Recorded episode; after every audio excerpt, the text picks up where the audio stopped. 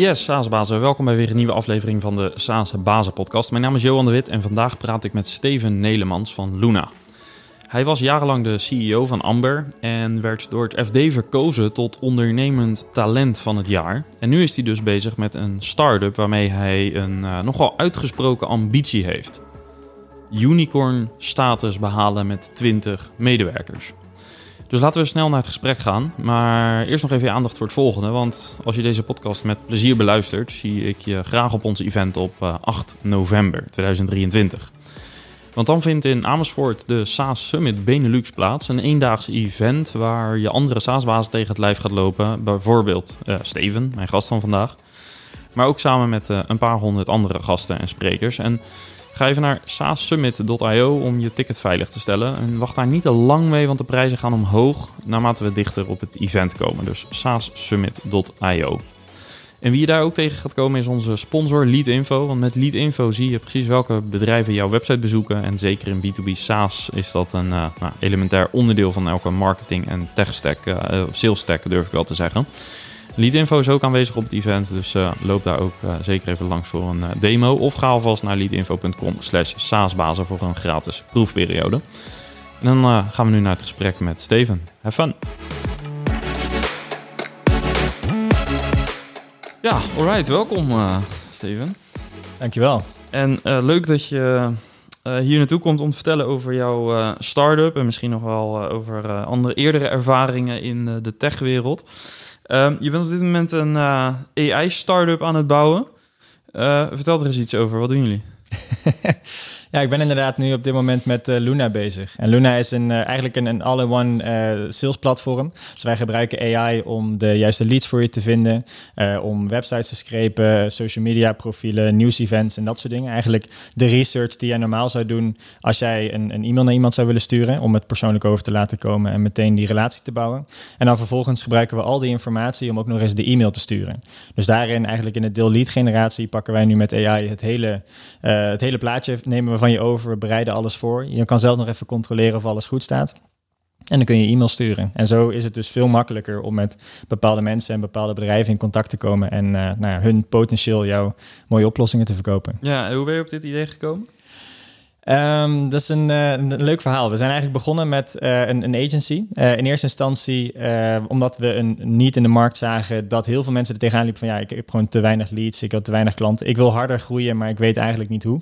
Toen uh, ben ik samen met een van mijn compagnons van, uh, van Luna ben ik een agency begonnen. En toen zijn we dat eigenlijk voor hun gaan doen. Heel simpel aan de voorkant doen alsof het super fancy was. Aan de achterkant gewoon een heleboel bestaande uh, tools aan elkaar geknoopt. Door middel van, nou Zapier ongetwijfeld bekend. Ja. Alles aan elkaar geknoopt zeg maar qua datastromen en dergelijke. En zo zijn wij langzaamaan eigenlijk onbewust naar een oplossing zoals Luna gaan, gaan, gaan, dat zijn we er naartoe gaan bouwen. En toen op een gegeven moment toen kwamen we erachter van... hey, hier is eigenlijk veel meer vraag naar dan dat wij in eerste instantie hadden verwacht. Uh, mensen zijn bereid om tien keer zoveel voor deze uh, nou oplossing uh, te betalen... dan dat ze voor een normaal softwareplatform zouden betalen. Kunnen we daar niet iets mee? En zo begon eigenlijk een beetje het idee te ontstaan. We hadden alles uitgedacht, behalve natuurlijk het schrijven van de e-mails. Want alles moest persoonlijk, maar dat is met de, de e-mail automation 0.1... zoals ze dat een aantal jaar geleden nog deden... was het natuurlijk heel lastig om te doen. En toen zat ik een keer in de auto naar Italië werd ik gefacetimed door een vriend van mij uit San Francisco. En die uh, had een huisgenoot, die was een van de eerste medewerkers van OpenAI. Die waren toen bezig met iets nieuws, namelijk de, de, de GPT-3 uh, API. En uh, nou, zo raakten we aan de praat. En toen waren ze, OpenAI was dus op zoek naar commerciële partijen die een, um, ja, dus eigenlijk een commerciële toepassing op basis van hun technologie wilden bouwen. Ja. En nou ja, van het een kwam het ander. En zo zijn we uiteindelijk met Luna begonnen. Ja, wat was je eerste reactie toen je dat zag, wat ChatGPT kon? Mindblowing echt bizar. Echt bizar. Terwijl je al best wel aardig wat gewend was. Want je was al gewend aan behoorlijk... Eh, vanuit je uh, situatie bij uh, Amber. Volgens mij vrij disruptief verhaal. Nou, toen hebben we inderdaad ook veel leuke dingen met, met AI gedaan, maar dat was vooral AI op de achtergrond. Dus dat was eigenlijk een, een hele geavanceerde vorm van, van data-analyse. De eerste keer dat er echt teksten werden gegenereerd. En het leuke is ook wel, uh, dit was zeg maar anderhalf, bijna twee jaar voordat ChatGPT uitkwam, anderhalf jaar. Uh, dus dat was ook een veel eerder model, dus die teksten die waren ook veel minder goed. Maar het feit dat er gewoon een samenhangend verhaal werd gegenereerd door een computerprogramma, dat was echt bizar. En zag je meteen van ja, dit is uh, het laatste stukje wat wij nodig hebben om uh, nou, te komen waar, naar waar je nu staat? Of is dat nog wel meer iteratief gegaan? Nee, dat was, dat was echt de, de, de, de missing piece of the puzzle, uh, ja. om het zo maar even te zeggen. Dus dat was, dat was echt het moment, we hadden dus eigenlijk alles bedacht van oké, we gaan, we gaan uh, leads gaan we overal vandaan trekken uit databases. We gaan scrapers bouwen om websites te bouwen. Dat is allemaal natuurlijk bestaande technologie. Maar dan zaten we heel erg te denken van ja, moeten we dan een soort van uh, de allerbeste template gaan bedenken die dan voor iedereen een beetje werkt? Of hoe gaan we dat nou precies doen? Maar totaal eigenlijk niet nagedacht van, nou toen kwam ik dus met die, met die vriend van mij uit San Francisco in contact en die, die haalde dus die huisgenoten bij, die vertelde over die technologie. En toen stelde ik twee vragen van, maar zou dat dan ook zo kunnen werken? Dus ja, dat is eigenlijk precies waarvoor het bedoeld is. Ja, ja. Wauw. Ja, ja, dan valt het even op zijn plek. Ja. Precies. En, en nu vast forward naar vandaag. Uh, jullie hebben nu dus een uh, platform wat niet alleen die teksten genereert, maar echt het salesproces automatiseert. Zullen we het ongetwijfeld verder nog wat meer over hebben. Um, toen ik dat hoorde, dacht ik van ja, ik ken wel tools als Lemlist en zo. Uh, en die zullen ook al ongetwijfeld inmiddels allemaal roepen dat ze AI uh, gebaseerd zijn. uh, maar dan gaat het vaak echt om de tekst te genereren. Um, wat, hoe, wat, hoe zie jij jullie product? vind je dat jullie een nieuwe categorie aan het creëren zijn? Of is het een variant binnen een bestaande categorie? Om een beetje ook in SaaS-termen te blijven? Ja, ja, dat klopt. Ik vind, dat vind ik een hele leuke vraag. Kijk, in, in eerste instantie, we, we bouwen in feite een, een, een AI SaaS-tool voor sales. Daar zijn er natuurlijk best wel een aantal van. Nou, je noemde Lemlist en er zijn best wel een aantal bedrijven die uiteindelijk in de sales-tak actief zijn. Ja, want sommige komen vanuit CRM, sommige komen wat meer vanuit Outreach. En, maar jullie Exact. Ja. Het zijn eigenlijk meer de vervangen, vervanger voor een medewerker, als ik het zo hoor. Ja, nou, dat, daar wilde ik inderdaad precies hm. naartoe gaan. Dus aan de ene kant zijn we een, een SaaS-tool in, in de saleshoek. Maar aan de andere kant is onze visie en ons doel is om te zorgen dat je gewoon veel minder salesmensen nodig hebt. En dat is ook als je kijkt naar een gemiddelde organisatie met een sales team en een team van SDR's. Die mensen die zijn het grootste deel van hun tijd gewoon bezig met het research doen en het proberen om mensen te benaderen. Terwijl die mensen, het, het zou eigenlijk ook voor de organisatie en voor die mensen veel beter zijn als ze veel meer FaceTime met die klanten kunnen hebben en op eigenlijk ja, veel meer pipeline, om het zo maar even te zeggen, aan kunnen. Uh, om te zorgen dat ze veel meer deals kunnen closen en uiteindelijk het bedrijf zo harder kunnen laten groeien. Ja. En dat is hetgene wat wij proberen te doen. Dus in die zin zie ik onszelf wel als een nieuwe categorie, omdat wij niet zozeer concurre concurreren met een andere SaaS-tool of een ander plekje in een hele grote tech stack. Wij concurreren gewoon met het personeel. Ja. Ja, en, en, en, en neem ons eens mee in, in zeg maar, je gedachtegang in, in hoe je jullie product positioneert. Want aan de ene kant uh, van het spectrum zou je kunnen zeggen, en, en er zijn SaaS-bedrijven die, uh, die, die communiceren heel erg dat ze zo disruptief zijn dat het een hele nieuwe categorie is. Soms gaat dat goed en soms is dat ook ontzettend lastig, omdat, ja, ga maar eens uitleggen dat je iets nieuws bent, dat kost vaak langer. Dus soms is het juist handig om juist te doen alsof je net een fractie beter bent dan iets wat men al heel goed begrijpt. Dus als je een beetje naar die twee uitersten kijkt, misschien zit je wel ergens in het midden, weet ik niet, maar uh, dat gesprek zal ongetwijfeld plaats hebben gevonden bij jullie intern. Dus neem ons eens mee. Nou, waar we, daar hebben inderdaad ook veel over nagedacht. En ik denk dat het belangrijkste wat wij uh, hebben kunnen doen, ook door het gebruik van al die AI-technologie, is we hebben het platform gewoon vooral super simpel kunnen maken. Dus dat betekent dat op mensen, dat moment dat mensen bij ons inloggen, dan zien ze direct wat de toegevoegde waarde is. En dan hoef je eigenlijk het hele gesprek daaromheen niet zozeer meer te voeren, omdat mensen zien van oké, ik heb één scherm en daar gebeurt het gewoon. Hm. Waar andere SaaS-tools uh, 37.000 minuutjes en knopjes en mogelijkheden en features hebben, hebben wij eigenlijk twee knoppen, namelijk ga je deze e-mail wel of niet versturen. En op basis van je interacties en dat soort dingen met het platform en de, uh, nou ja, gewoon de, of je iets uh, akkoord geeft of niet, of je dingen verbetert en dat soort dingen. Op basis daarvan leert de AI en wordt het steeds beter. Maar in principe is het een soort van nou, zakelijke Tinder, om het zo maar even te zeggen, hmm. waarbij je zegt van oké, die wel, die niet, die wel, die niet. Ja. En op die manier Oh, sorry. Ja, nee, dus je, je vertrekt niet bijvoorbeeld vanaf wij zijn een CRM of wij zijn een e-mail outreach tool. Ja. Uh, dat doe je eigenlijk niet. Dus je zoekt niet bij in aanvang naar die referentie. Maar je zegt wij zijn een uh, nieuwe tool uh, um, om je hele outreach te automatiseren. Exact, ja, precies. We, zijn echt heel erg op de waardepropositie gaan zitten uiteindelijk. We, hebben het, we hebben het wel geprobeerd, zeg maar. We, uh, de outreach voor kleinere bedrijven of zeg maar de, de nieuwe lemlisten, om het zo maar even te zeggen. Allemaal van dat soort verschillende dingen. We hebben ook best wel een tijd lang op het e-mail automation uh, deel gezeten. Want een van de dingen die altijd heel belangrijk is voor ons altijd al geweest, is dat we heel erg anti-spam zijn. Uh, spam is de dooddoener voor, voor fatsoenlijke e-mail outreach. want nou ja, als je duizend e-mails uitstuurt met één template bericht naar een lijst die je van, van LinkedIn hebt, uh, hebt afgetrokken, dan ga je ja, dan ga je niet heel veel goede reacties krijgen. Misschien dat er één of twee tussen zitten die positief zijn, maar voor elke positieve reactie krijg je 30 uh, eh, reacties als uh, unsubscribe, stop stalking, dat soort dingen allemaal. Ja. En daarom zijn we heel erg op die, op die individuele leads gaan zitten. Luna, Luna bereidt alles voor jou voor op de individuele lead van wij denken dat deze persoon perfect voor jou is. En dat kan ook omdat het veel minder tijd kost om zo'n individuele lead te beoordelen in ons platform. Ja. En daarom uh, hebben we dat op die manier gepositioneerd. Ja. En hoe voed je het platform? Dus hoe zorg je ervoor dat hij weet eh, waar jij naar op zoek bent? Is dat gewoon demografische data? Uh, als gebruiker bedoel je, ja. denk ik, of niet? Ja. Uh, het is uh, meerdere, meerdere dingen eigenlijk. Je kan sowieso natuurlijk de, de settings instellen waarbij je zegt van oké, ik, wil, ik wil mensen die bij een bedrijf werken van minimaal 500 medewerkers in die categorie en dat soort dingen.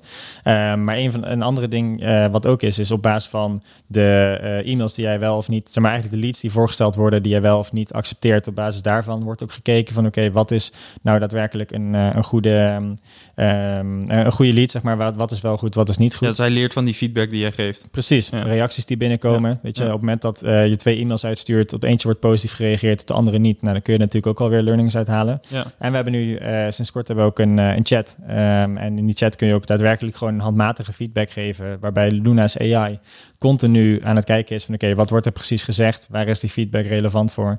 En hoe kunnen we het nog beter maken? Ja, en, een um, vraag aanvullend op die categorie. Uh, beschouw je het als een Blue Ocean of een Red Ocean product? Um, ik, ik heb het heel lang als een Blue Ocean beschouwd. Uh, het is ook heel lang heel erg, heel erg eenzaam geweest in deze markt. Eigenlijk totdat ChatGPT uitkwam, uh, was, het, was het heel erg rustig. En hebben wij het eerste jaar, anderhalf jaar van, van Luna, hebben wij iedereen echt moeten overtuigen door middel van demo's en zo. Van oké, deze e-mail is daadwerkelijk door de AI geschreven. Dit hebben wij niet van tevoren voor je klaargezet. En, ja, mensen, mensen wisten nog niet dat dat kon. Nee, precies. precies. Mensen vonden het, vonden het heel erg bizar en waanzinnig dat het kon. Maar ze vond ook een beetje ongelooflijk. Uh, eigenlijk too good to be true bijna. En daarom, uh, sinds dat ChatGPT uh, gelanceerd is, is het in één keer totaal de andere kant op. Want um, nu denkt in één keer iedereen dat AI alles kan. Weet je, nu moeten we mensen weer afremmen. Nu, nu moeten wij iedereen uitleggen van, oké, weet je, als je ChatGPT vraagt, schrijf een e-mail naar Johan voor mij. Uh, en die e-mail begint met, hey Johan, ik hoop, meestal in het Engels dan, I hope this email finds you well. Of dat soort dingen. Ja, dat is natuurlijk de grootste dooddoener van, van een, een, een cold, cold outreach e-mail. Ja. En dat is hetgene waar heel veel mensen nu niet begrijpen van oké, ja, de e-mail ziet er goed uit, het leest lekker, dat soort dingen. Maar het werkt niet, omdat het gebaseerd is op de Wikipedia-pagina hoe schrijf ik een e-mail in plaats van alle best practices die uiteindelijk van sales professionals afkomen. Ja, en uh, je ziet het dus nu meer als Red Ocean. En dat heeft te maken met het feit dat men meer gewend is geraakt aan uh, AI-achtige oplossingen. Precies. Uh, en dat het ook gewoon veel makkelijker en toegankelijker is geworden om zo'n AI-oplossing te bouwen. Ja. Maar dat laat ook zien, want, want wanneer, sinds hoe lang zijn jullie bezig? Twee jaar nu. Ja, ongeveer. sinds twee jaar. Dat laat ook zien hoe ontzettend snel die ontwikkelingen gaan.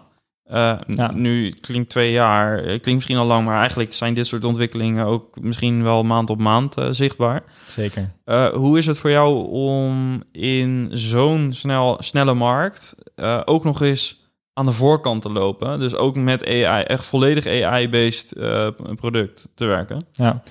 Ja, dat is, dat is heel erg wisselvallig. Het ene moment is het super gaaf, omdat je natuurlijk ook heel veel terugkrijgt van je gebruikers. Uh, je ziet heel veel dingen gebeuren om je heen. Uh, er zit in een hele leuke dynamiek, omdat het allemaal zo snel gaat. En omdat je ook gewoon, niet zozeer wij als Luna, maar ook gewoon wij als, als markt met uh, alle AI-ontwikkelingen en dat soort dingen. Het gaat zo ongelooflijk hard.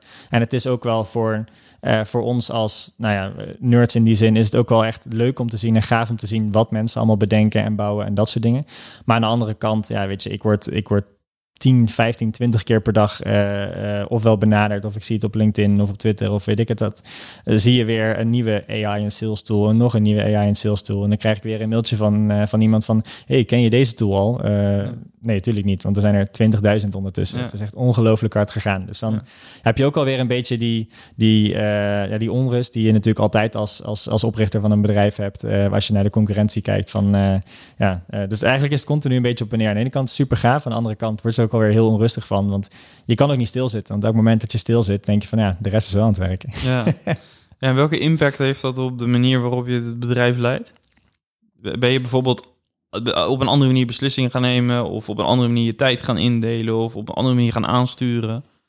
Nee, nee, eigenlijk niet. Nee, dat, dat het, leuke daaraan is, is dat ik Ehm, en ook de, de mensen omheen natuurlijk en ook de mensen in het team. Je wordt er uh, bij vlagen wel door beïnvloed. Ehm, maar op het moment dat je weer terug gaat naar de basis, terug gaat naar de ratio, heeft iedereen maar 24 uur in een dag. En het gaat er vooral om hoe je die 24 uur inricht. Dat je gewoon het maximale uit je bedrijf en uit je technologie en uit je team kan halen. Je kan nu zorgen dat mensen keihard gaan werken, vervolgens over een maand allemaal omvallen. Of je gaat gewoon zorgen dat je gewoon nou, eigenlijk voor de maximale prestatie van iedereen om je heen gaat en je bedrijf. En dat is bij elke start-up, maakt niet uit of het nou uh, met AI, zonder AI, voor AI, na AI, maakt het eigenlijk niet uit. Want je moet gewoon zorgen dat je zo optimaal mogelijk presteert en dat je gewoon uh, ja, elke minuut, zo goed, eigenlijk elke minuut in waarde voor je bedrijf uh, converteert. Dus in die zin is er eigenlijk niet heel veel veranderd. Het is alleen dat je af en toe even een momentje voor jezelf moet nemen, even een rondje moet wandelen en denken van, we zijn goed bezig, nou, we rennen het wel. Ja. Nu klinkt het heel makkelijk, hè? dus elke minuut uh, de juiste dingen doen. Uh, maar hoe zorg je ervoor? Ja, je zegt het al, hè? dus door af en toe even een rondje te lopen. Maar zijn er meer dingen die je doet om te zorgen dat je enerzijds voldoende afstand hebt om nou, misschien ook iets meer de lange termijn beslissing te nemen, wat meer te observeren ook misschien. En aan de andere kant die snelheid erin te houden? Um, deels. Nee, eentje die noemde je inderdaad al. Gewoon zorgen dat je zelf ook als, als, als oprichter ook uh, daar afstand van kan blijven houden. Uiteindelijk is een van de dingen die heel vaak uh, gebeuren en ook een beetje onbewust gebeuren, is dat je ook zelf wordt meegevoerd in de dagelijkse operatie. Uh, daar heb ik zelf ook heel vaak meegemaakt en maak nog steeds uh, van tijd tot tijd mee. Dat je dan toch weer even hierin springt of toch even daarin springt. En op het moment dat je in het bedrijf aan het werken bent, ja, het is natuurlijk ook een beetje, is een cheesy uitspraak, maar op het moment dat je in het bedrijf aan het werk bent, dan kun je ook niet echt meer kijken wat er om je heen gebeurt. Dan krijg je een soort van tunnelvisie. En daar probeer ik altijd wel heel erg bewust van te zijn dat ik in ieder geval uh, elke dag gewoon een moment neem van oké, weet je, even kijken wat gebeurt er precies. Uh, probeer alles gewoon een beetje bij te houden. En daarnaast heb ik ook een aantal mensen om me heen verzameld die mij daar ook bij helpen, die mij daarop challengen, die mij daar ja, op welke manier dan ook vragen over stellen. Ik stel hun vragen van hoe, hoe vind je dat ik het doe, wat kan ik beter doen, dat soort dingen. Um, en dat gaat ook gewoon supergoed. En wat voor, in wat voor soort rol zitten die mensen? Zijn het investeerders of zijn dat gewoon mede SaaS-ondernemers? Of van letterlijk van alles. Ja, oké. we hebben net, ja, dat zijn soms, soms investeerders, soms zijn het adviseurs, soms zijn het uh, coaches, soms zijn het uh, nou ja, de, de, mensen uit mijn team, zeg maar, waar ik ook. Uh, wat gisteravond hebben we nog een hele goede sessie gehad met z'n drieën. Dan, nou, zoals ik net zei, we hebben nou net een kantoortje. We zijn remote first, maar we hebben toch even een kantoortje genomen voor nu om ook wat vaker dit soort sessies te kunnen doen. Nou, we echt in die opschalende fase zitten. En dan ze gaan elkaar ook gewoon vragen stellen van, hey, wat, waar, waar loop jij nou tegenaan? Wat zit er, zeg maar, wat staat er niet bovenaan je to-do-lijst? Want dat is natuurlijk hetgene wat het meest urgent is. urgent, ja. Precies, maar wat zit er net daaronder, wat daar net te lang staat, wat net dusdanig irritant is, zeg maar, dat het wel continu in je hoofd speelt? Nou, dat soort dingen, daar ga je elkaar dan mee helpen. En daar probeer ik dan ook weer continu uh, hun mee te helpen en zij mij mee te helpen van, hoe ga je nu uh, ja, het overzicht behouden? Ja. Uh, nu heb je ook best wat ervaring in de VS. Uh, eh, daar gaat alles nog een stuk sneller. Wij komen daar zelf, uh, wij komen daar beide regelmatig. Zeker. Ja. Um, altijd weer verbaasd over de snelheid daar.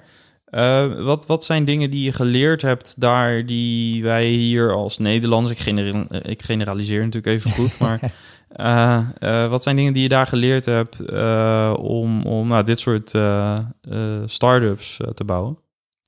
Ik denk het allerbelangrijkste wat ik daar elke keer maar weer zie. Het is niet alleen maar bij de startups, maar ik denk ook een beetje bij de, de Amerikanen in het algemeen. Of in ieder geval Amerikanen in de techsector en, en, en Amerikanen met ambitie. Is dat zij uh, eerst roepen, zeg maar, of eigenlijk eerst beginnen met rennen en daarna nadenken. Waar wij, wij als Europeanen dat vaak andersom doen.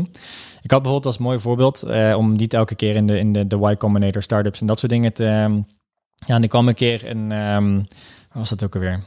Oh, dat was in, dat was in Portugal. Toen raakten we aan de praat met een, uh, met, met een koppel. Zat een tafel verderop in een restaurant. En daar waren allebei Amerikanen. En die hoorden ons ook Engels spreken. Dus, nou, dus we raakten een beetje aan de praat. En toen was dus uh, die jongen die daar zat. Die, was, die, was, die hoorde dat wij met een SaaS sales tool bezig waren. En die was zelf ook in de sales. En die begon zichzelf te verkopen als een van... Nou, ik heb deze deals geclosed en dit gedaan. Super gaaf. Bij dit bedrijf gewerkt. Bla, bla. Alsof hij al een heel uh, cv had. En vervolgens had hij me uitgenodigd op LinkedIn. En dan was hij een, een, een, een nou ja, een, een, een, interne sales intern, zeg maar, bij een, bij een bedrijf. Dat je denkt van zelfs bij, en dat is natuurlijk helemaal top, want ze, ze zijn super veel aan het leren en ze doen super gave dingen, maar gewoon de, de mentaliteit dat je jezelf op zo'n manier weet te verkopen en dat soort dingen, dat is wel, ja, dat zie je eigenlijk overal terug daar. En Ja. dat zie je natuurlijk ook in de AI-startups. Je ziet daar gigantisch veel bedrijven die eh, gewoon een, een soort van wrapper om, om eh, OpenAI heen zijn, die eh, een, nou, met, met elke update van OpenAI weer een hart vasthouden van, oh, misschien ben ik nu wel weg, weggeautomatiseerd of weggeconcureerd. Ja. Maar die van de tafel schreeuwen alsof ze, het, alsof ze een nieuwe, het negende wereldwonder hebben uitgevonden, zeg Ja. maar. Dat, dat is altijd wel mooi. Ja, ja heel herkenbaar. En, eh, De, de, voorlaatste keer dat ik daar vandaan kwam, eh, toen schreef ik ook op terug in het vliegtuig. van, al zou ik nu eh, de Amerikanen in drie woorden moeten samenvatten. En dan heb ik het ook in, even over de, Ja. deze sector, zeg maar. Ja. Dan is het, eh, zijn drie woorden. Dat is speed, dat is eh sell, en, of, of sales of sell, en, en story. Want ze hebben overal een verhaal bij. Ze, het, het, Precies, altijd op ja. een of andere manier klopt het. Ze zijn het altijd aan het verkopen aan je. en het gaat altijd snel. Dus dat, dat waren wel een aantal kenmerken die ik ook heel erg herken daarin. Ja. Ehm, en ehm, nog even zeg maar eh, eh, richting AI. Dus, dus jullie bouwen dan een product wat, eh, waar, waar veel AI bij komt kijken. Een observatie die ik laatst deed, als ik kijk naar AI, zie ik eigenlijk, of denk ik, drie soorten categorieën te zien. Hè? Dus categorie 1 is, dat zijn de, de, de makers van de AI-modellen. Laten we zeggen OpenAI bijvoorbeeld, als, als, als misschien bekendste voorbeeld. Ja. Dan twee is, zijn een beetje de, de integrators, de solution integrators. Eh, dus partijen die pakken één of meerdere AI-componenten en maken daar een, een applicatie van of een toepassing. Eh, en dan heb je nog de, de model users, zeg maar. Dus de stervelingen zoals ik, die eh, nou ja, allerlei promptjes zitten maken. Ja. Ehm, in, jullie zitten denk ik in categorie 2, dus je gebruikt meerdere componenten. Ja. Ehm, aan de andere kant zie ik dus ook heel veel startups die nu zeggen, ja, wij zijn AI-based. Eh, we hebben een AI-propositie of wat dan ook, eh, AI-assistant. Maar feitelijk eh, hebben ze gewoon een API, of gewoon, maar is er een API-koppeling en wordt er een tekst gegenereerd en that's it. Exact. Hoe kijk jij naar die verschillen of heb je een andere observatie? En, en, en waar ligt het bestaansrecht van SaaS-bedrijven eh, met alle AI-trends en ontwikkelingen die jij ziet? Ja. Ik, ik, ik ben het er sowieso wel mee eens. Je hebt inderdaad de bedrijven die een fundamentele propositie hebben, die eigenlijk een, een, een, een, oplossing hebben voor een bepaald probleem en daar dan toevallig AI voor nodig hebben om dat op een grotere schaal of beter of sneller of dat soort dingen op te kunnen lossen. En je hebt eh, in mijn ogen ook de bedrijven die eh soort van door de goudkoorts eh, gevat zijn, die denken van, oh ja, gaaf, alles met AI levert nu veel geld op en alles wat een unicorn wordt, dat, wordt nu, eh, dat, dit, dat gaat automatisch met AI, dus misschien moet ik ook iets met AI doen. Alleen de uitdaging daarbij is, is op het moment dat je geen waarde toevoegt op basis van hetgene wat eh, al ter beschikking gesteld wordt door OpenAI, Anthropic en al die andere bedrijven, is dat je een, een, een, een commodity aan het je, je bent zeg maar gewoon iets, iets standaards aan het verkopen. Alsof je elektriciteit of water of dat soort dingen verkoopt, wat al in overvloed aanwezig is. En daar zie je nu heel erg bij dat alles wat OpenAI nu bouwt, ze hebben laatst ChatGPT voor Enterprise eh, gelanceerd.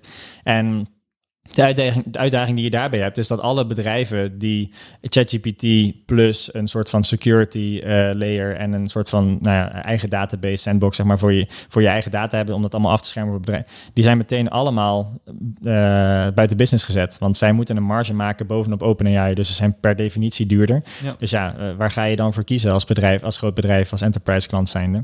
En dat zie je steeds meer en meer en meer gebeuren. En dat is de uitdaging die je veel ziet, zeker nu er ook open source modellen ter beschikking gaan komen. Je hebt nu eh, open source eh, modellen, niet alleen maar voor tekst, maar ook voor voice bijvoorbeeld. Dus dat, er ook, eh, dat je ook stemmen kan klonen, dat je ehm, bij wijze van spreken deze podcast in het, In het Engels en in het alle, Engels, in het Swahili, talen. in het weet Ja. ik het allemaal zou Ja. kunnen vertalen. Ja, dat zie je natuurlijk steeds meer voorkomen, maar dat is allemaal gebaseerd op die, op die fundamentele technologie, op dat foundational model. En op het moment dat je daar geen toegevoegde waarde bovenop legt, je eigen nou ja, sausje overheen legt en het eigenlijk ja, gebruikt, je moet eigenlijk gebruiken als een means to an end in plaats van dat het het eindproduct zelf is. Ja. En daar zit een hele grote distinctie tussen in de, in de, de AI-markt. Eh, in, ja, precies wat jij zei, dat, zo zie ik het ook. En de bedrijven die dat dus niet hebben, ja, die gaan het gewoon heel erg lastig krijgen. Ja. ja, ondanks de marketingwaarde die er de eerste paar maanden in zat van... joh, je kunt nu een, eh, een, een tekstje genereren in ons eh, platform. Exact. Mensen weten het inmiddels wel. Dat is geen ja. toegevoegde waarde meer. Ja. Ehm, en als je dat vertaalt naar jullie situatie... je hebt in het begin al een beetje verteld natuurlijk... dat je echt een, een workflow, eigenlijk een persoon overbodig maakt. Ja. Eh, als ik het een beetje plat en, en kort uh, samenvat. Maar, Ja. ehm, eh, zeg maar, als zit je dus in de solution integrator laag, als we jullie daarin zien, ehm, hoe doen jullie dat dan? Dus wat doen jullie anders dan ehm, simpelweg een prompt eh, ergens inschieten? Ja. ja, bij ons is het eigenlijk dat de, de, de pijn die onze gebruikers voelen, is niet zozeer dat zij eh, een betere e-mail willen schrijven of meer e-mails willen schrijven. Zij willen gewoon een hele salesproces strak trekken. En we zijn inderdaad begonnen met het genereren van e-mails, maar ook het verzamelen van die data, het samenvatten van die data en dat soort dingen. Wat je in theorie allemaal met OpenAI zou kunnen doen. Wij gebruiken steeds meer onze eigen modellen, omdat het gewoon veel sneller, goedkoper en beter is. Maar je zou het in theorie allemaal met OpenAI kunnen doen. Maar juist het, ehm, het, het idee, zeg maar, de, het- de gedachtegang waarop wij dit platform hebben gebaseerd, de manier waarop wij de hele eh, frontend hebben gedesigned, eh, het feit dat het zo super simpel is, dat het leert van eh, hele concrete dingen als in eh, ik, eh, ik verander mijn e-mail van eh hoi voornaam naar beste achternaam bij wijze van spreken of beste Ja. meneer achternaam. Ehm, dat soort dingen, daar leert het natuurlijk van, maar het leert ook van veel minder obvious dingen. En juist omdat we overal al die feedback loops hebben ingebouwd en dat allemaal op basis van AI gaat, dan gebruik je AI als een means to an end om een soort van, ja, in ons geval, een digital sales twin te creëren van jou als persoon, die continu leert en die het eigenlijk steeds meer en meer en meer gaat doen zoals jij het doet, totdat, ze even, totdat je even goed bent en dan vervolgens ook nog eens meer leert, dus dat, dat het uiteindelijk ook beter wordt. Ja. De enige manier waarop we dat kunnen doen is met AI. En daar zit dus voor mij gevoel wat fundamentele verschil in, is dat wij niet AI verkopen. Wij, wij vertellen eigenlijk bijna niet, ja, we vertellen het natuurlijk nog wel, eh, maar dat, we, dat onze e-mails door AI gegenereerd worden. Maar eigenlijk eh, zeggen wij gewoon van dit is een tool die het voor jou veel makkelijker maakt om met veel meer mensen in contact te komen. Ja. En daar hebben we AI voor nodig. En we kunnen dat door AI veel beter, groter en sneller en dat soort dingen. ja. Maar ja, daar zit voor ons zeg maar het fundamentele verschil in in deze markt. Ja, Eh, en, en heel terecht denk ik ook, omdat, ja, nogmaals, bij de startups die inderdaad zeggen van, ja, we genereren een mailtje, die zijn eigenlijk nu al ingehaald. Eh, dus Precies. daar, eh, ja. Ja. Ehm, Zeker met de plugins. Ja. het is jammer dat de Chat- ChatGPT plugins niet helemaal zo, zo geworden zijn, zeg maar, zoals iedereen het van tevoren dacht. En dat gaat nog wel komen. Het is misschien ook niet een, een grootste prioriteit. Maar eh, op het moment dat je dat vanuit ChatGPT ook kan doen, ja, dan, dan wordt het al heel erg lastig. Ja. En daar moet je eigenlijk, dat is het gedachte-experiment dat wij, waar wij continu mee bezig zijn, is ehm, ja, wat moet een andere partij doen, los van natuurlijk letterlijk kopiëren wat we hebben, maar wat zou een andere partij moeten doen om onze eh, toegevoegde waarde te realiseren? En op het moment dat dat moeilijk genoeg is, als die, die, die drempel om in te stappen hoog genoeg is, dan zijn we nog veilig en dan, dan blijven we lekker doorgroeien. Ja. En dan weten we dat we nog steeds voorop lopen. Terwijl als dat, ja, als de, de, de, de, de, de benchmark zeg maar, van de, de beschikbare technologie te hoog wordt en ons aan het inhalen is, ja, dan hebben we een probleem. Ja. En eh het is natuurlijk een beetje koffiedik kijken, maar eh, we weten ook hoe snel het allemaal gaat. Ehm, wa- wat is een beetje je voorspelling? Eh, wat, wat, wat zijn verwachtingen in die salesmarkt waar jullie in zitten? Hoe lang gaat het duren voordat jullie echt een fundamentele volgende stap moeten maken om onderscheidend te blijven? Volgende week. Ja. Eigenlijk vandaag, morgen. Ja, ja. Ja, het gaat inderdaad zo ongelooflijk snel. Maar ik denk dat het vooral heel belangrijk is dat eh, het maken van de fundamentele stap, het lanceren van een feature, is eigenlijk het einde van een, van een heel traject. Eh, het maken van een fundamentele stap gebeurt bij ons intern in onze hoofden al op het moment dat wij eh, feedback krijgen van onze gebruikers, dat wij ergens in de data een drop-off zien, of dat wij verandering in gedrag zien, dat we naar een andere doelgroep toe willen. Eigenlijk allemaal verschillende dingen. Ook op het moment dat wij zien dat andere bedrijven iets gelanceerd hebben, dat we bijvoorbeeld klanten verliezen aan andere bedrijven en zo. Het gebeurt gelukkig nog niet zo vaak, maar dat zal ook steeds meer en meer eh, gaan gebeuren. Dan zijn we al bezig met het onderzoeken, met het, het interviewen, met het, met het uitzoeken van oké, hoe gaat die feature dan uiteindelijk eruit zien? Dan moet je natuurlijk nog designen, testen, implementeren, eh, impro- ehm, eh, verbeteren en dat soort dingen. En dan wordt hij uiteindelijk gewoon goed gelanceerd. Ja. Dus in feite zijn wij gewoon nou, elke dag bezig met die nieuwe fundamentele volgende stap. En gaat dat ook zo geleidelijk dat wij het over het algemeen ook, ja, niet, dat we er eigenlijk niet eens bij stilstaan. Ja. De laatste fundamentele stap, misschien wel leuk om te vertellen, die we hebben gezet, was, eh, was het lanceren van Autonomous Mode. En Autonomous Mode is eigenlijk de, de, de automatisering van jouw digitale sales twin. Dus nou, letterlijk dat Luna autonoom mensen kan gaan benaderen. Eigenlijk, Luna is zichzelf continu aan het afvragen van, eh, weet ik genoeg, snap ik genoeg, ben ik, heb ik genoeg vertrouwen in het feit dat ik Johan bij wijze van spreken eh, ken, zijn manier van schrijven ken, de leads die we eh, benaderen en zo, dat soort dingen ken, om het ook zelf te kunnen doen. Op het moment dat het antwoord ja wordt, dan uh, uh, unlock je dus autonomous mode. En autonomous mode gaat Luna autonoom uit zichzelf mensen voor jou benaderen. Je kan het nog steeds controleren, je kan er nog steeds invloed op uitoefenen als je wil, maar het hoeft in feite niet meer. Waarmee het dus eigenlijk al een, een AI entry-level SDR is. Um, waar je, ja, die, die je dan in dienst hebt. En dat was een hele grote fundamentele, want dat is iets wat, wat andere partijen in de markt nog niet hebben op dit moment. Ja, dat hebben we uiteindelijk gelanceerd. Dat heeft het bedrijf flink doen groeien. Um, maar ja, eigenlijk de dag daarna waren we alweer met het volgende bezig. Van, we kunnen niet stilzitten. Ja, en, en hoe snel uh, of is dit nu al gekopieerd? Of zijn er andere partijen hier nu al mee gekomen? Er zijn er, zijn er een paar die, uh, die er naartoe aan het werken zijn. Hmm. Uh, nog niet zo. Kijk, hetgene wat wij hebben gedaan, wat ons nu nog steeds voorop, laat, voorop laat lopen. Sorry, wat ons nog steeds voorop laat lopen, is dat wij niet zozeer gefocust hebben van hoe maken wij de beste prompt, zeg maar. Hoe, hoe schrijven wij de beste uh, gemiddelde e-mail die voor iedereen nou ja, zo goed mogelijk werkt. We zijn echt heel erg naar het individu. Het is eigenlijk geen one size fits all, maar one size fits one zijn wij heel erg op gaan focussen. Dus onze kerntechnologie is ons learning model. Dus dat het learning model wat op alle mogelijke manieren leert van uh, de gebruikersfeedback, de, de, de ontvanger van de e-mails en feedback en dat soort dingen. En daarmee uh, kunnen wij dus geven wij dus eigenlijk veel meer, of uh, ja, vertrouwen de gebruikers ons veel meer dan dat ze andere partijen vertrouwen. Want daar zit nog wel eens iets raars tussen, een hallucinatie of dat soort dingen. En bij ons worden die er eigenlijk allemaal uitgewerkt, omdat de invloed van de gebruiker en de voorkeuren van de gebruiker en alles wat het geleerd heeft van de gebruiker, dat wordt steeds belangrijker. Ja. En omdat wij dat eigenlijk onder de motorkap gewoon steeds beter en beter en beter hebben gemaakt, vinden de gebruikers het bij Luna ook veel minder eng, veel minder spannend om autonomous mode aan te zetten. Want ze hebben het gewoon zien gebeuren, ze kunnen alles controleren en ze zien dat het werkt. En dan zie je de e-mails die ze checken, dat, ne dat neemt ook heel erg, uh, heel erg af in die zin. Ja, dit, dit klinkt als een beetje hetzelfde vertrouwen wat je moet uh, gaan creëren in een nieuwe medewerker. Want Letterlijk. ook die laat je op de eerste dag waarschijnlijk niet volledig alles helemaal zelfstandig doen. Letterlijk. Uh, ja. ja. Dus in die zin is het is, is ook dat loopt parallel aan een salesmedewerker. Behalve de, de schaalbaarheid, want die ligt bij uh, het platform natuurlijk een stuk, uh, stuk hoger. Ja. Uh, hoe hebben jullie eigenlijk je pricing bepaald? Um, dat is een goede vraag. We hebben onze pricing, uh, want we hebben, wij rekenen nu af per e-mail, per verstuurde e-mail, of eigenlijk per, uh, per aangekomen e-mail. Dus op het moment dat er iets misgaat, om welke reden dan ook, dan, dan word je natuurlijk niet over afgerekend. Uh, dat hebben we nu, dat, dat hebben we nu als prijspunt bepaald. Um, waarom?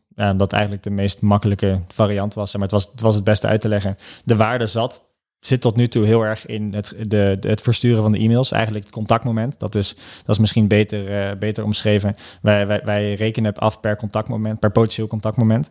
Um, maar dat gaat ook wel veranderen. Want naarmate wij... Eigenlijk is onze toekomstvisie niet zozeer om heel erg op die lead generation te gaan zitten. Maar onze toekomstvisie, en dat is ook wat, wat ik zelf ook echt zie als de kracht van AI. En zeker ook de impact van, van AI op, op SaaS. Eh, niet alleen maar in sales, maar in, in alle categorieën die er zijn. Is dat wij niet zozeer... Als je nu kijkt naar zeg maar hoe een gemiddelde tech stack van een bedrijf eruit ziet, dan zijn dat nou, vijf, zes, zeven, acht verschillende tools. Van uh, hey, ik, ik haal mijn leads uit Sales Navigator, dan uh, zet ik er extra informatie bij met een andere tool, dan vervolgens verstuur ik e-mails en dan verstuur ik LinkedIn berichten en knoop ik het allemaal elkaar, aan elkaar met Zapier en dan uiteindelijk komt het in een CRM-systeem terecht. Eigenlijk hoe jullie begonnen zijn met de agency. Eigenlijk wel, ja. ja. Eigenlijk wel. Maar daarmee kunnen we dus de hele, uh, dan heb je dus eigenlijk de hele tech stack te pakken. Maar het leuke is met AI, is dat je platformen zo ongelooflijk simpel kan maken en zoveel eigenlijk onder de motorkap kan regelen, dat je niet zozeer voor één plekje in de tech stack gaat vechten, maar dat je gewoon de hele tech stack aan zou kunnen pakken.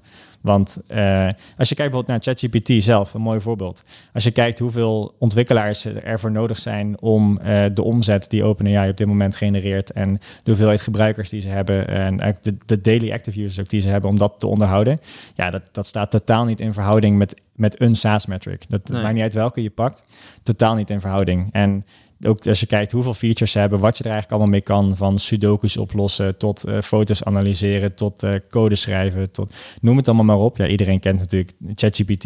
Maar in ieder geval, het, het feit dat dat zo ongelooflijk uit verhouding is, dat is de daadwerkelijke kracht van, ja. van AI. En denk ik ook de impact die het uiteindelijk op SaaS gaat hebben. Ja. Uh, dan hebben we eigenlijk uh, het brugje naar twee thema's te pakken. En dat is één, de impact op SaaS. Daar hebben we het natuurlijk al over gehad, maar met name in jouw context. Ik ben ook wel benieuwd ja. of je in zijn algemeenheid bepaalde ontwikkelingen, kansen, bedreigingen ziet voor SaaS-bedrijven. En het tweede is, ehm, uiteindelijk de... Nou, laten we stuk voor stuk doen, anders ga ik het ingewikkeld maken. Uh, ook voor mezelf. Ja. um, dus de impact op, op SaaS, we hebben het al even kort gehad over van, nou, eh, waar zit je als SaaS-bedrijf? Uh, gebruik je het een beetje onder de motorkap met een, laten we eerlijk zijn, een simpele API-koppeling en een prompt? Uh, dat is ons ook gelukt. Dat ja. was niet heel ingewikkeld. Um, tot inderdaad, nou ja, waar jullie mee bezig zijn, dat je meerdere modellen aan het combineren bent, eigen modellen, noem maar op. Um, waar liggen wat jou betreft de kansen voor uh, SaaS-bedrijven? Dat is een beetje algemeen natuurlijk, maar luisteraars ja. uh, zitten in allerlei branches. Uh, ja. Wat zou je als SaaS-baas nu moeten doen om, om bij te blijven met AI?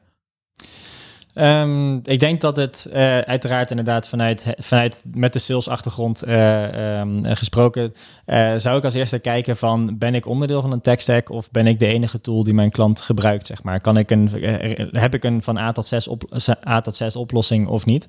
En op het moment dat je die nog niet hebt, maar dat jij een integratie bent. Stel je voor dat als je een Zapier-koppeling hebt, bij wijze van spreken, dan integreer je over het algemeen met andere tools. En is er best wel een grote kans dat een andere tool uiteindelijk AI gaat gebruiken, op welke manier dan ook. Hoeft niet per se tekst gegenereerd te zijn, kan ook iets heel anders zijn, om een deel van je waardepropositie al dan niet helemaal om die over te nemen dat kun je natuurlijk ook de andere kant op doen.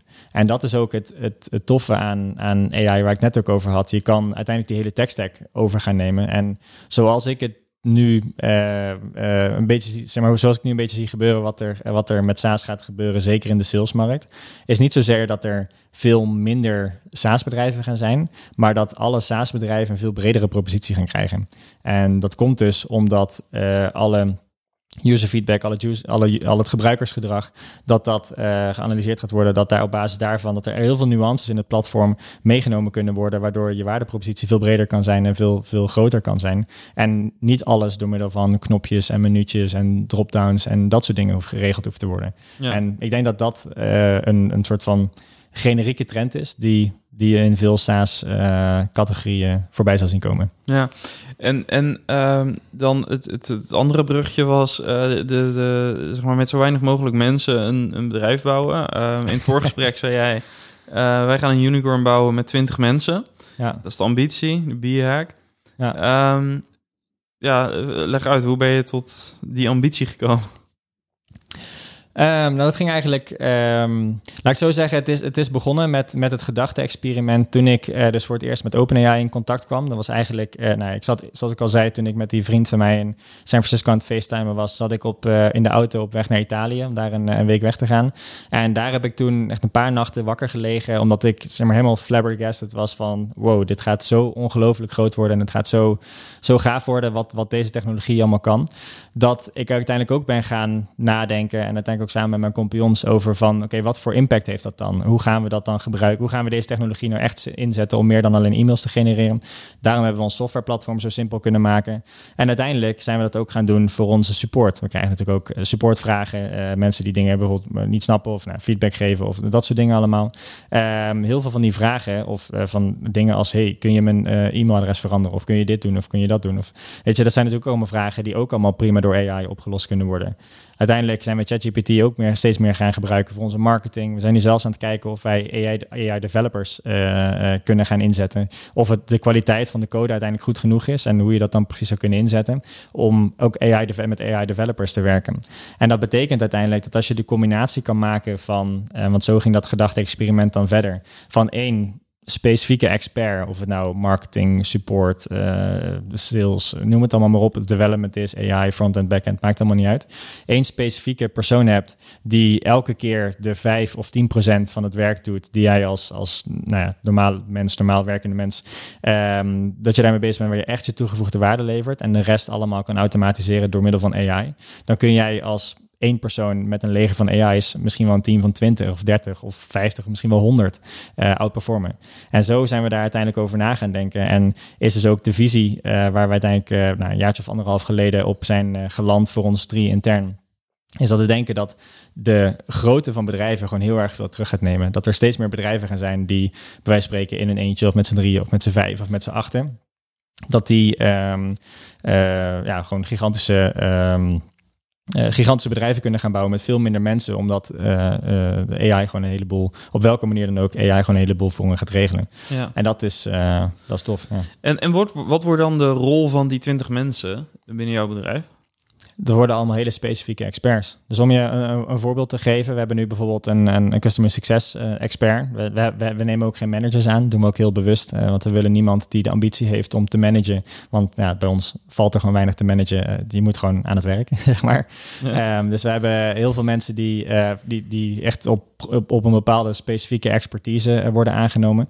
En wat ik net zei, een customer success expert, die is eigenlijk het enige wat hij aan het doen is, is die is continu aan het kijken van hey, hoe kom ik er nou precies achter wanneer ik een klant kan upsellen? Wanneer valt een klant, uh, staat een klant op het punt om te churnen? Welke uh, specifieke gedragsdingen zien we?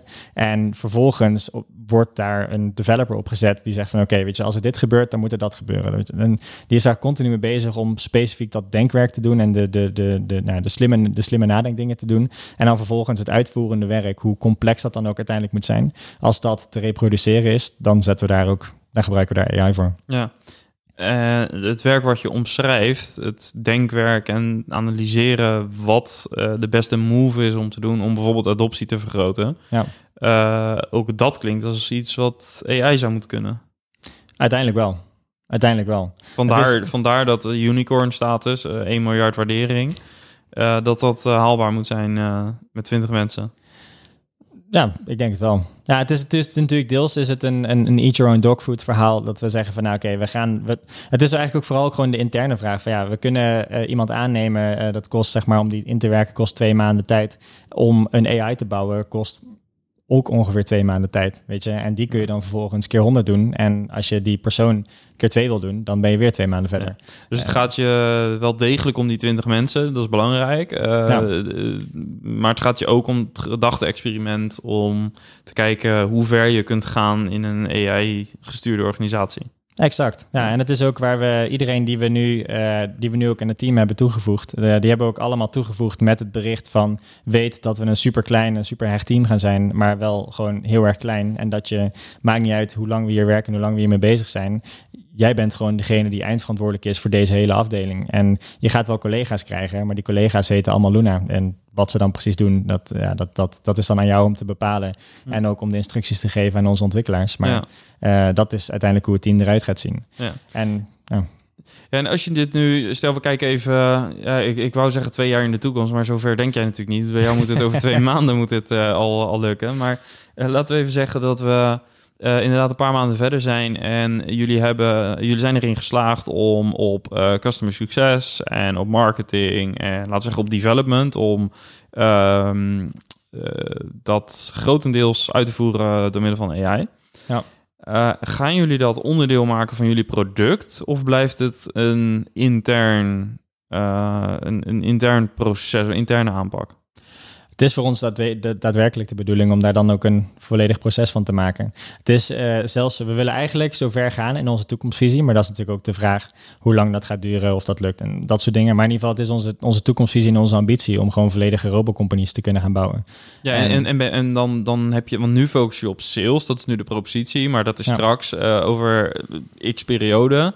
Um, bieden jullie gewoon een uh, geautomatiseerde machine op basis van AI om je bedrijf te bouwen. Exact. Nou, maar sales is ook een hele bewuste keuze geweest. Want uh, het eerste wat je nodig hebt om een bedrijf te starten is omzet. Want zonder omzet kun je geen ontwikkelaars betalen, kun je geen mensen aannemen, kun je geen investeringen doen, kun je helemaal niks.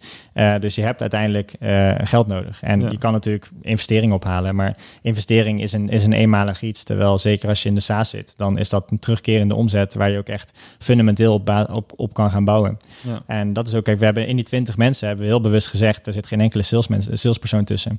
Luna is onze CCO, VP of Sales, uh, eigenlijk hoe je, hoe je het mij wil noemen. Ja.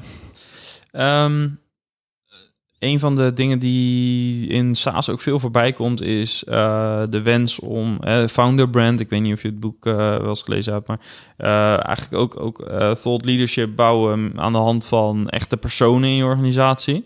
Ja. Um, hoe zie je dat gedeelte voor je in een organisatie met heel veel impact, maar heel weinig mensen? Ga jij nog steeds een founder? Uh, denk je dat dat belangrijk is om een soort founder brand te zijn? Om uh, te zorgen dat je als persoon ook in de markt zichtbaar bent? Of denk je dat ook dat met AI op te vangen is? Um, ik denk dat, dat het hebben van een brand nog steeds wel heel belangrijk is. Ik denk dat het voor specifieke soorten mensen, zeg maar, soorten karakters eigenlijk vooral, dat, dat, dat, dat, dat het een heel stuk beter werkt dan, uh, dan voor anderen. Um, het wordt wel steeds lastiger, want uh, daar, daar zitten we zelf natuurlijk ook veel over na te denken van wat zijn nou de meest snelle manieren van groeien. En als je kijkt naar een, een, een aantal uh, goede founder brands, Elon Musk bij wijze van spreken, ja, die draagt op zijn eentje, in zijn, in zijn eentje, uh, draagt hij best wel een aantal bedrijven met zich mee door gewoon af en toe wat tweets de wereld in te slingeren. Ja. dat is natuurlijk wel echt de, de heilige graal en het, en, het, en, het, en het grootste van het grootste. Maar als je dat ook maar tot op een bepaalde hoogte zou kunnen realiseren, dan kun je daar je bedrijf ook wel heel erg mee helpen.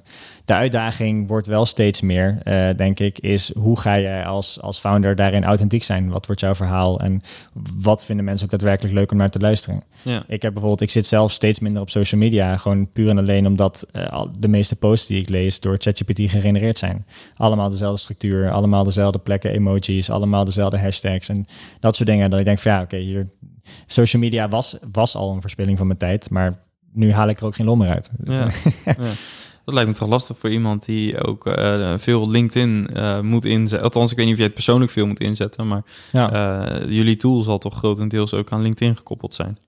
Uh, nou ja, op dit, moment, uh, op dit moment niet, omdat LinkedIn heel erg afgeschermd is. Uh, maar uiteindelijk is LinkedIn wel een super sterk netwerk natuurlijk. Ja, ja. Dat, het is het enige zakelijke netwerk van deze omvang wat, wat er bestaat. Dus dat is in dat betreft een goudmijn van, van data en, en manieren om met mensen in contact te komen. Maar ook daarin, zeg maar, ik, ik krijg nu op dit moment ja, voor jou ongetwijfeld precies hetzelfde misschien wel twintig connectieverzoeken per dag. Ja. Met, uh, hey, uh, vet wat je doet bij, uh, nou ja, meestal als het Impressive. Luna, ja, precies, ja. okay. Precies, ik kom heel of de ergste die ik nog vind is, zullen we een keer een kopje koffie drinken? Ja. Denk, oh. nou, de leukste die ik vind is, die krijgen ook, nou ja, dagelijks bijna wel, denk ik. Uh, is uh, in, in het Engels. Dat ze een podcast geluisterd hebben, dat ze het fantastisch vinden. dat is best knap. in het Nederlands. Heel mooi, heel ja. mooi. Dus uh, ja, dat is, dan vallen ze meteen door, door de man. Ja. Um, Oké, okay. misschien even tot slot, want er zijn nog heel veel thema's waar ik het met je over zou willen hebben. Maar één thema in het bijzonder, wat, ik, wat, wat met de binnenschoot toen ik Luna's website bekeek. Uh, zag ik lead generation. Uh, nu zie ik in SaaS een beweging dat uh, lead generation nog steeds belangrijk is, maar ook demand generation. Ik heb het daar recent in de podcast ook over gehad met, met Jordi Bron. maar in, in bredere context zie ik die ontwikkeling al denk ik wel een jaartje dat, of langer eigenlijk. Um, ziet jullie oplossing alleen, voorziet die alleen in lead generation oplossing of zit daar ook demand generation capabilities in? Of zie je dat anders? Of wat is je gedachte daarbij? Nou ja, ik denk dat dat inderdaad wel een, een, een, hele mooie beweging is die nu aan het ontstaan is. Dat, dat lead generation en demand generation eigenlijk ook een beetje aan het, aan het convergeren is in die zin. Uh, dat steeds minder uh, er wordt steeds, wat eigenlijk waar we het net over hadden met LinkedIn, dat jij uh, nu al ziet van uh, 90% van de messages reageer ik niet eens op. Ongetwijfeld hetzelfde met, met, met koude e-mails. Als je daarin ziet, soms zit er iets leuks tussen. Maar soms heb je ook echt zoiets van, ja, dan, dit is zo algemeen, zeg maar. hey, vet dat je bij Luna werkt. Uh, uh, misschien heb je iets aan dit product en dan verkopen ze iets waar als je tien seconden naar onze website had gekeken, dan, dan, dan had je dat nooit geprobeerd. Um, dat zie je natuurlijk wel steeds meer gebeuren. En hoe meer AI-tools er komen, hoe meer AI-e-mail-tools en AI-sales er komen, hoe lager de kwaliteit, of eigenlijk vooral hoe meer ruis er, eh, er komt. Daarin wordt demand generation wel super belangrijk, want dan doe je het eigenlijk de andere kant op. Dus dan doe je dan ga je je propositie zo neerzetten dat het mensen die dan een bepaalde behoefte hebben en zo, dat die dan uiteindelijk naar je toe komen. En dat is waar we nu, as we speak, met Luna ook mee bezig zijn. Waarbij we echt van koude, koude acquisitie steeds meer naar blauw, warme acquisitie toe gaan. Waarbij mensen bijvoorbeeld al een keer op je website zijn geweest. Dat mensen een keer met een LinkedIn-post hebben geïnteracteerd. Dat uh, mensen bepaalde review sites hebben gekeken. Dat is maar eigenlijk waar we maar data vandaan kunnen halen over dat mensen een bepaalde interesse hebben. Dan kom je natuurlijk op een hele andere manier binnen. Ja. als je weet dat mensen al op zoek zijn naar een AI SaaS-tool, uh, in ons geval, dan is het een hele andere e-mail dan als je weet dat, of als je niet weet of ze ergens mee bezig zijn, of ja. als ze er totaal niet mee bezig zijn.